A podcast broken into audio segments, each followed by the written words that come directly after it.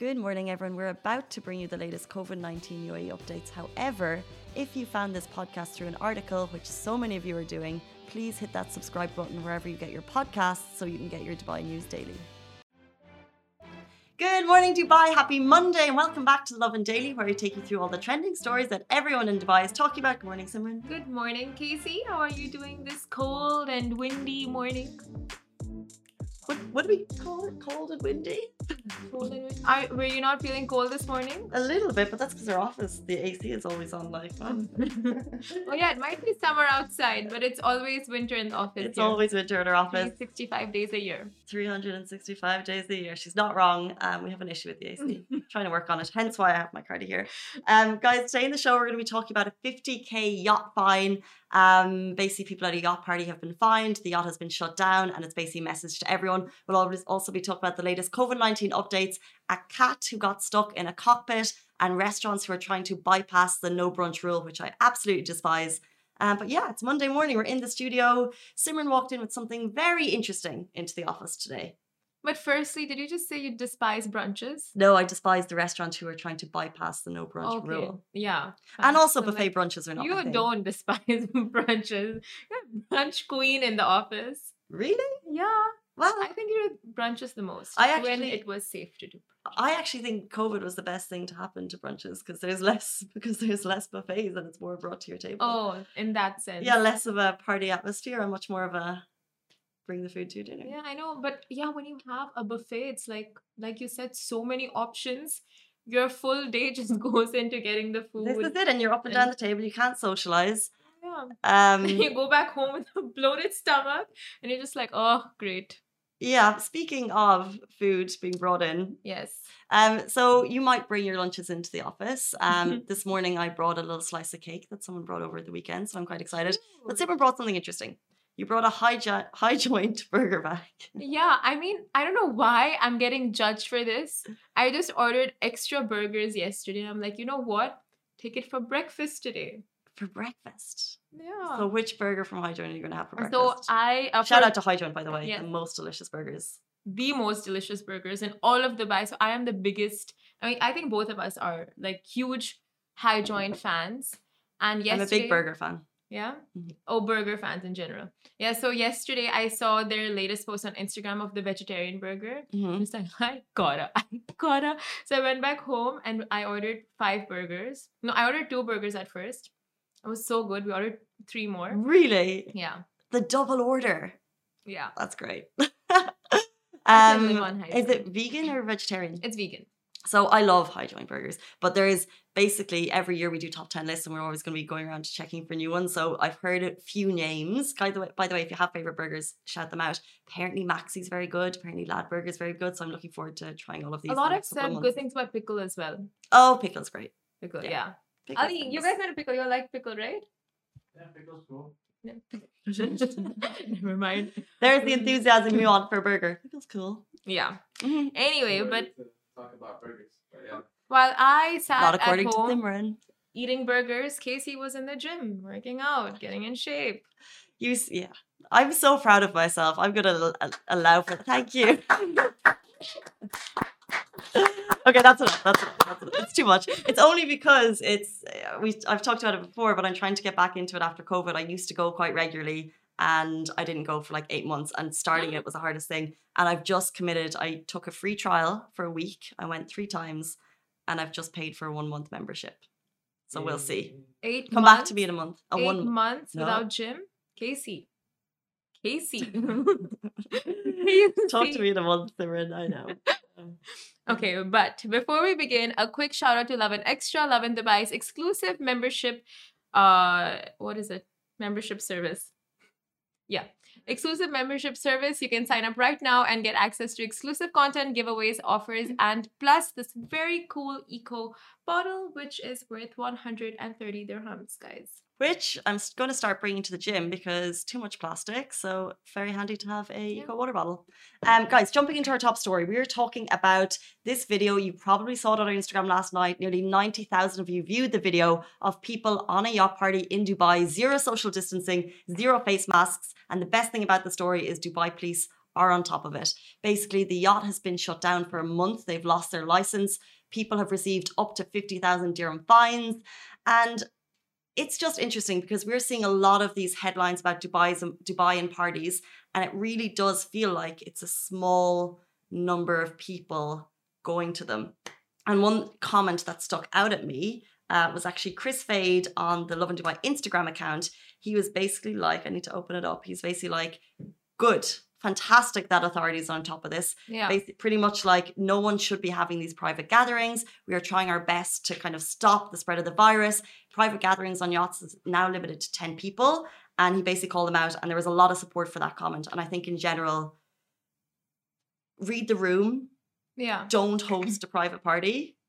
Read the room. Read Yes. the room. It's not the time. It's definitely I not feel the like time. it's been said a It's, million it's times. so but- good in the comments people weren't like he didn't get backlash for that so that's good to know that people are for this rule and they are supporting and um yeah everyone is against parties right now it's it's very important until we all get vaccinated until everything becomes safe for us to go out and enjoy once again that we follow all the rules Mhm, exactly. And Dubai police were on top of it, and people at the party got up to 50,000 dirham fines. And that would make you think twice. If your friend is thinking of having a party this weekend, yeah Dubai police aren't going to let it happen.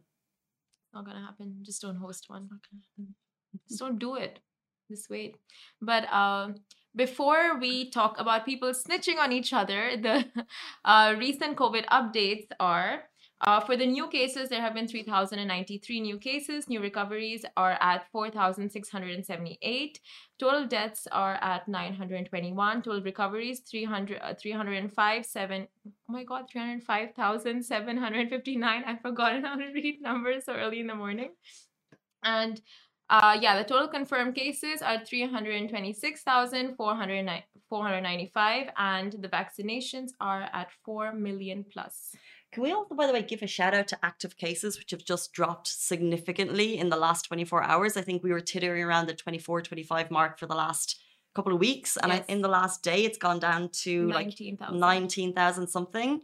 815. So, That's a massive relief for people who are worried about kind of hospitals overcrowding and everything. So I think that's great and the hear. number of active cases is for the UAE and not just one Emirates. So, it's Lovin Extra is here. This is the new membership, and while absolutely nothing changes for our readers, extra members get access to premium content, exclusive competitions, and first look for tickets and access to the coolest events across the city, and Lovin merch. If you subscribe right now, a very cool Lovin Red Eco Water bottle will be delivered to your door.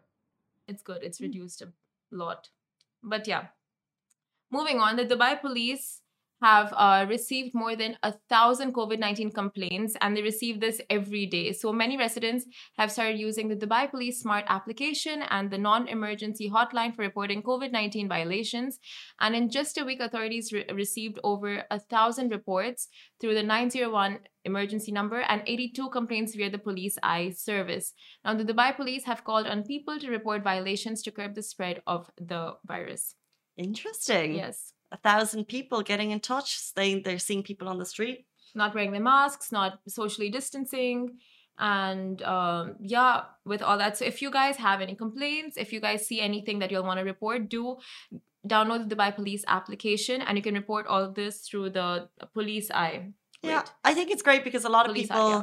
whether or not you're going to either go up to someone if you have an issue with them violating COVID, or if you want to report on the Dubai Police app, now rather than going on to like a Facebook or a Reddit and venting, which I, Yeah. I hate, I hate seeing so much venting online.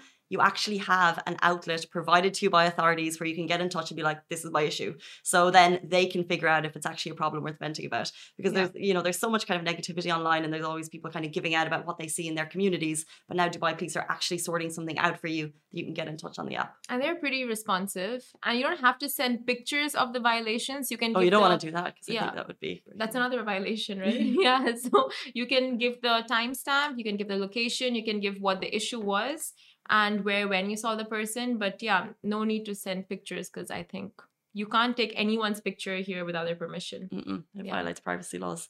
Um, before we move on to the uh, next story, a quick shout out to everyone who's tuning in. Hello, Nizzy. Good morning. Thank you for tuning in on Facebook. Shade Edmond said Kobe is hands down the best burger.